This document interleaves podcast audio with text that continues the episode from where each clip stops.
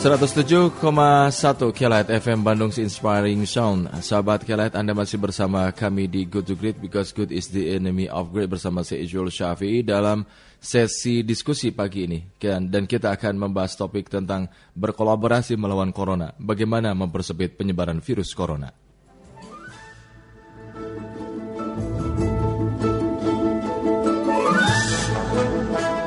Dalam novel berjudul Lapis atau jika diterjemahkan berarti sampar atau wabah, sang penulis Albert Camus menceritakan situasi wabah di kota Oran. Nah, di tengah wabah mematikan itu, Camus menyebut ada tiga jenis manusia. Pertama, mereka yang menyebut wabah sebagai kutukan Tuhan. Kedua, mereka yang menyebut wabah sebagai hal medis biasa. Dan ketiga, mereka menyebut wabah sebagai berkah. Karena sebuah penderitaan selalu merupakan pembebasan dari penderitaan yang, penderitaan yang lain. Kemudian, Kamus melalui tokoh Dr. Bernard Rooks menyebutkan bahwa yang penting di tengah wabah adalah menyadari ketidakmampuan kita dalam menafsirkan segalanya. Lebih baik terima sewajarnya dan mencoba hidup berbahagia. Artinya tidak perlu panik namun tetap waspada. Nah, Sahabat kelat sepenggal kisah dalam novel APS itu terasa masih sangat kontekstual dengan situasi sekarang ini kalau saya ceritakan ya. Manakala dunia menghadapi wabah yang sekarang ini menjadi pandemi corona. Ada beragam sikap, ada berbagai cara, hingga beragam upaya untuk menanggulanginya. Bagi kamu, wabah justru bisa dianggap eh, sebagai titik mula kehidupan yang membuat kita berkenalan kembali dengan makna kemanusiaan. Nah, ketika penyakit akibat virus serangan virus COVID-19 menyebar di Cina, Wuhan ya, dan negara-negara lain, banyak pihak di Indonesia menganggap Indonesia adalah pengecualian. Sungguh itu sesuatu yang tidak bisa diterima. Nah, di Malaysia, Singapura, dan Thailand ada orang yang positif tertular, kita belum. Situasi itu dianggap sebagai sesuatu yang melegakan seolah ada tangan ajaib yang melindungi kita sehingga kita bisa terhindar. Tetapi sekarang sudah terbukti bahwa kita tidak berbeda dengan negara yang lain ya. Di Indonesia, kasus corona pertama diumumkan 2 Maret lalu. Kemudian berikutnya hari ke hari angka itu terus meningkat tajam sampai dengan 134 kasus positif uh, corona di mana 5 pasien meninggal dan 8 pasien di uh, eh, 9 ya kalau nggak salah pasien di uh, sembuh gitu kan. Nah, fakta menunjukkan bahwa virus corona menyerang siapa saja tanpa terkecuali warga negara biasa, pemain film, atlet olahraga, sepak bola, politisi, menteri, kepala negara dan sebagainya. Itu terkena uh, kasus terinfeksi ya. Sebagai pandemi, seluruh dunia perlu bahu membahu tentu saja saling belajar dan Indonesia bisa menggunakan berbagai contoh negara-negara lain untuk membangun sendiri sistem kepemimpinan dalam masa krisis. Di Perancis misalkan para perusahaan barang mewah mulai memproduksi hand sanitizer dan mengesampingkan produksi parfum mewahnya. Louis Vuitton induk usaha perusahaan barang mewah seperti Christian Dior, Guerlain, dan Givenchy sepakat membantu pemerintah untuk memberantas virus corona. Caranya dengan memproduksi hand sanitizer dan membagikannya secara gratis. Bukan seperti di Indonesia, malah justru dinaikkan harganya. Kemudian di Portugal, mega bintang sepak bola Cristiano Ronaldo dikabarkan akan mengubah hotel yang ia punya jadi rumah sakit untuk membantu penanganan virus corona. Nah, di Indonesia, sebuah brand produk uh, kimia farma pun melakukan upaya serupa dengan menjual masker seharga Rp2.000. Rp2.000 meski dibatasi per orangnya ya. Nah sekarang pemerintah sudah membentuk gugus tugas dan menunjuk juru bicara yang mengkonfirmasi perkembangan penyebaran virus COVID-19 secara teratur. Lantas kolaborasi melawan virus corona, gimana caranya untuk mempersempit uh, penyebaran virus corona? Untuk menjawab pertanyaan-pertanyaan itu, kita akan berdiskusi dengan narasumber kita Pak Irfan Afriyandi, uh, dokter MPH, dokter uh, dosen maksud saya dosen Departemen Ilmu Kesehatan Masyarakat, Fakultas Kedokteran Universitas Pajajaran.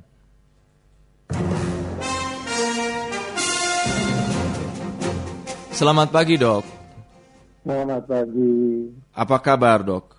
Baik, alhamdulillah. Alhamdulillah, Rabbul Alamin. Sehat, ya, sehat. Mas? Sehat, Mas? Alhamdulillah sehat, Dok. Semoga kita semua sehat terus ya, Dok ya. Ya, Amin. semoga juga sahabat Kelat juga semuanya sehat Amin. dan tetap memantau serta waspada. Amin. Dok, ini angka rasio kematian akibat virus corona di Indonesia mencapai 3,8 persen ya. Sampai sekarang, uh, sampai sampai kemarin ya, sudah ada 134 pasien positif virus corona. 5 di antaranya meninggal, 8 sembuh. Uh, saya belum uh, ada update lagi ini kecuali ada update lainnya. Nah, hal ini menunjukkan adanya fase kritis dalam penanganan penyakit itu. Nah, bagaimana menurut Anda, Dok? Apa sih sebetulnya yang menyebabkan rasio kematian di Indonesia ini termasuk cukup tinggi karena disebut fase kritis, Dok? Uh, baik, terima kasih uh, Mas Ijo. Iya. Jadi begini, uh, untuk bisa kita memaknai su suatu angka, terutama tadi disebutkan tentang rasio kematian, yeah. dan uh, atau angka kematian mungkin lebih tepatnya, angka kematian adalah kita harus melihat dulu uh, sebetulnya dari mana data itu hmm. dan uh, validitas dari datanya ya tentunya. Yeah. Jadi uh, untuk situasi terkini berdasarkan uh, informasi yang selalu tersedia di Kementerian Kesehatan, kita semua bisa mengakses itu, hmm. yaitu kondisi per 17 Maret uh, kemarin, uh, jumlah yang positif uh, COVID-19 ini adalah 172, Mas. 172. 172. Tadi sudah disebutkan ada yang sembuh, yeah. tidak lagi delapan, uh-huh. tapi sembilan sekarang. Sembilan ya. Yeah. Dan yang meninggal positif dengan uh, dengan status positif COVID itu ada lima. Hmm. Hmm. Nah tadi Mas Ijo menyampaikan bahwa uh, angka kematiannya kok tinggi gitu, 3,7 gitu dibilangnya ya. Iya, iya. Nah, karena menghitung angka kematian ini menyangkut berapa jumlah yang meninggal dibanding berapa jumlah orang yang uh, positif, hmm. maka sebetulnya harus hati-hati memaknainya, hmm. karena kita sebetulnya bisa jadi underestimate atau underreported terhadap jumlah yang positif. Oke. Okay. Mengapa? Karena menetapkan jumlah yang positif itu berasal dari berapa jumlah yang diperiksa. Hmm. Yeah, yeah. Sementara ini jumlah yang diperiksa itu berdasarkan informasi resmi dari Kementerian Kesehatan adalah 1.255 yang sudah terlaporkan. Hmm. 1.255. Nah, 1.255 itu yang diperiksa. Oke. Okay. Nah, persoalan orang diperiksa itu banyak halnya. Hmm. Pertama dari diri yang bersangkutan, apakah uh, memandang perlu untuk diperiksa atau tidak. Yeah. Kedua, aksesnya terhadap pelayanan untuk hmm. diperiksa. Hmm. Oke. Okay. Dan sebetulnya sebagiannya mungkin bisa jadi tidak diperiksa, tetapi karena himbauan yang kuat terhadap uh, upaya untuk uh, melakukan isolasi diri, hmm. sebetulnya pada akhirnya tidak diperiksa sampelnya kan. Yeah, yeah. Sampel maksudnya sampel biologisnya, sampel hmm. dari uh, swabnya itu. Hmm. Sehingga angka ini bisa jadi tidak mencermin, tidak mencerminkan situasi sakit yang sesungguhnya. Hmm. Oleh karenanya angka-angka tadi uh, harus secara hati-hati di mananya, mas. Hmm. Berarti gitu. Berarti sekarang bisa di apakah bisa dibilang belum masuk fase kritis gitu dok? Uh, fase kritis itu uh, di apa ya harus harus merujuk pada satu satu referensi atau satu uh, ketentuan yang resmi ya, uh.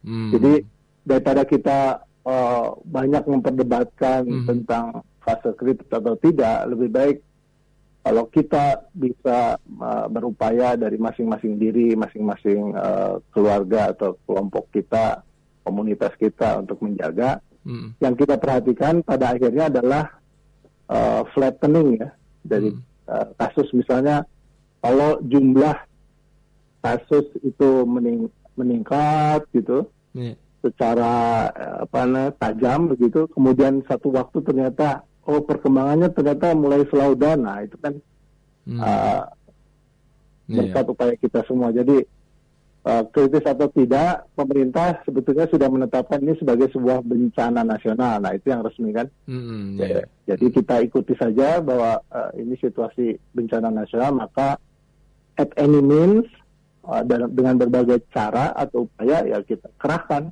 kemampuan kita. Hmm. Uh, dok, Betul. ini kan uh, pemerintah sudah memberikan himbauan kepada masyarakat untuk mengurangi interaksi langsung dengan orang lain atau social distancing ya untuk mencegah uh, penyebaran virus corona. Nah, Betul. sebagai gambaran, sebagai edukasi untuk kita semua supaya semua paham apa sebetulnya social distancing itu dan apa saja yang tercakup dalam social distancing itu, Dok. Baik, terima kasih.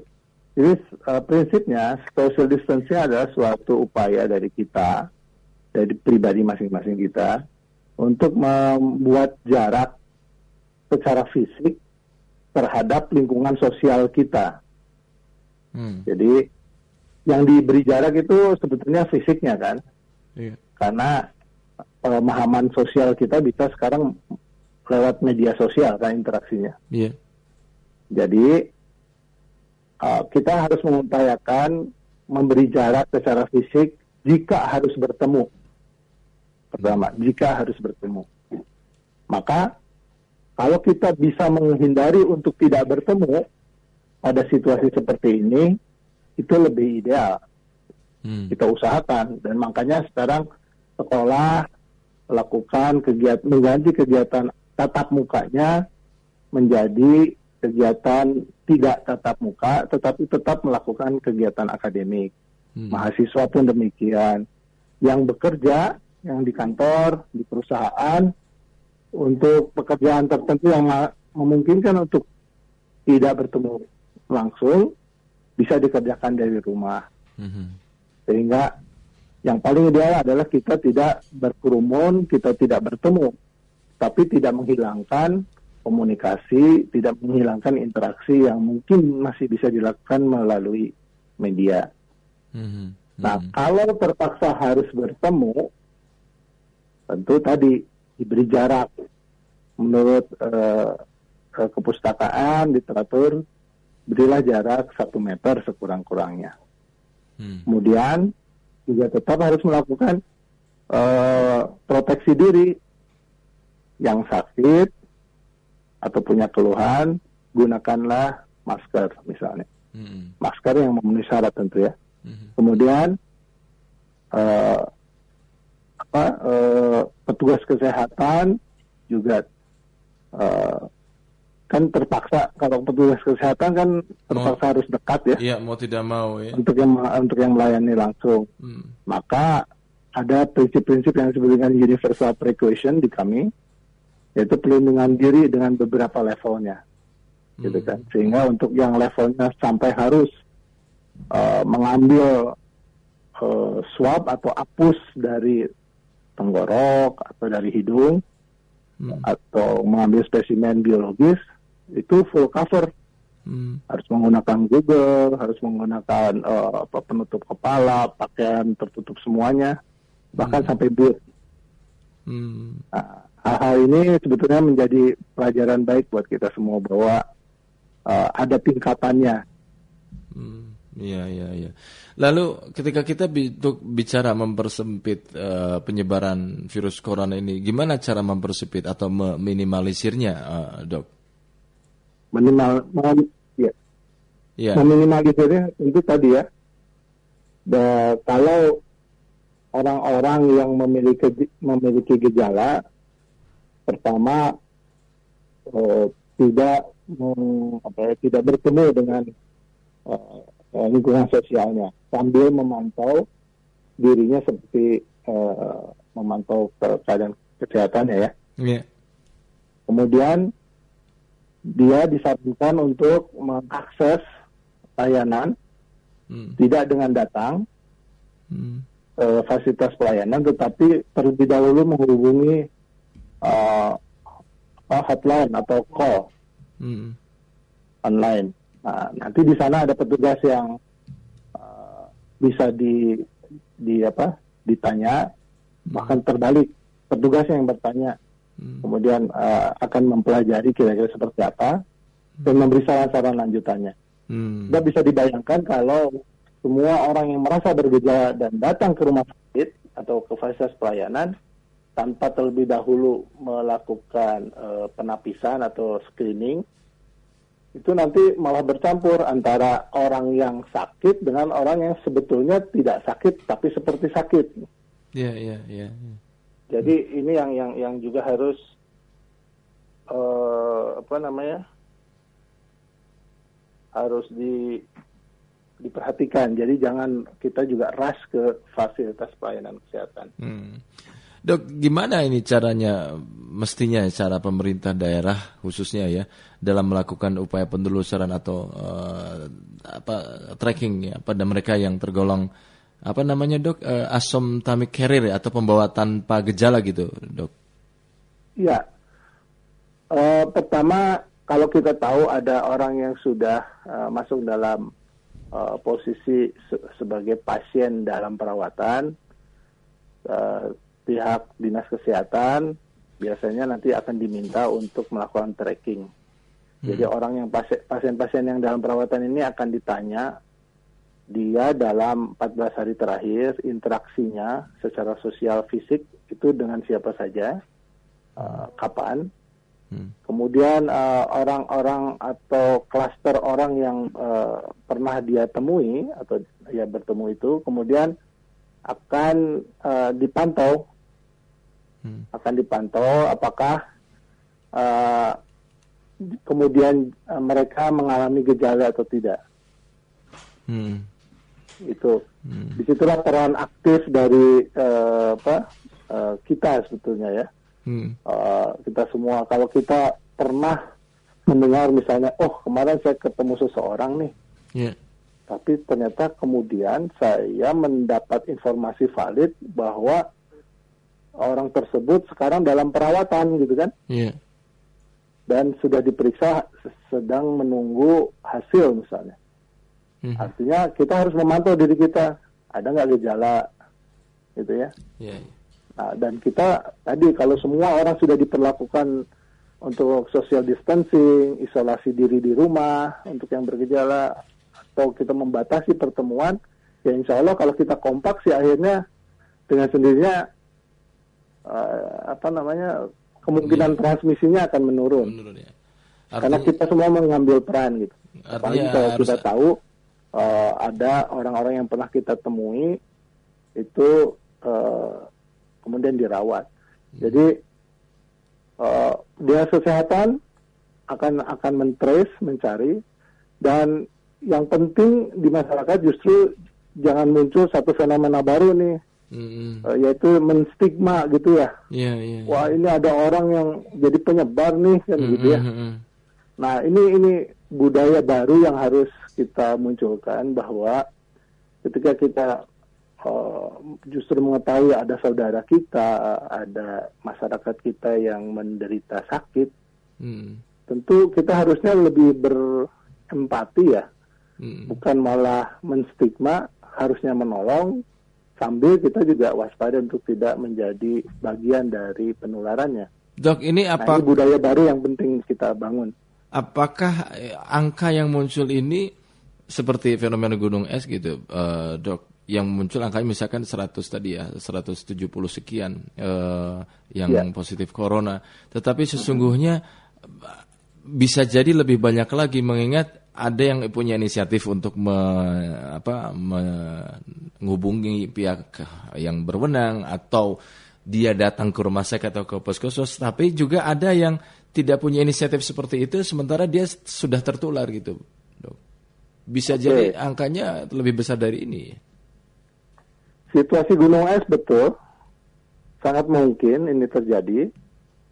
Oleh karenanya dalam situasi yang uh, kita tidak mengetahui secara pasti apa yang terjadi, upaya kita untuk mencegah dan menganggap kita bisa atau memiliki kemungkinan untuk uh, menjadi bagian dari proses transmisi itu yang harus kita kita kedepankan. Oleh karenanya uh, ketika kita diberi saran untuk melakukan social distancing, melakukan isolasi diri, kemudian sebagian kita kemudian menganggap kenapa sih saya kan sebenarnya nggak punya gejala, hmm. saya kan nggak punya interaksi dengan orang-orang yang sakit. Hmm. Nah, kalau kita me, apa ya mengedepankan semangat untuk uh, untuk sama-sama mencegah dengan kemampuan kita semua, hmm. dengan apa yang bisa kita lakukan semua, insya Allah fenomena gunung es itu lambat laun dengan waktu uh, secara alami dia akan mengalami apa perlambatan sih sebetulnya. Hmm, ya, ya, ya, baik, ya. baik, baik, dok. Karena fenomena gunung es ini kan juga dipengaruhi oleh tadi uh, uh, di sarana ya, hmm. sarana kita juga uh, kalau tadi misalnya berapa yang meninggal begitu, itu kan artinya dia harus positif dulu dan untuk bisa yeah. positif dulu harus diperiksa dulu. Hmm. Nah, supply dari alat pemeriksaan juga itu harus dipastikan dulu sekarang hmm. seberapa tersedia kan gitu. Baik. Nah ini kan sesuatu yang baru. Baik. Baik dok, terima kasih dok. Uh, ini menjadi tambahan referensi untuk kami semua pagi ini terkait dengan Baik. penyebaran virus Jadi semangatnya harus kebersamaan ya. Ya. kebersamaan, ya. siap, siap dok. Ya, terima kasih. Mencegah, ya. ya. Terima kasih dok, selamat pagi, kasih, selamat beraktivitas. Assalamualaikum warahmatullahi wabarakatuh. Salam. Ya, demikian sahabat Kelight Irfan Afriandi, Dokter MPH, Dokter PH, dosen Departemen Ilmu Kesehatan Masyarakat, Fakultas Kedokteran, Universitas Pajajaran. So fine. Good to great. Good to great.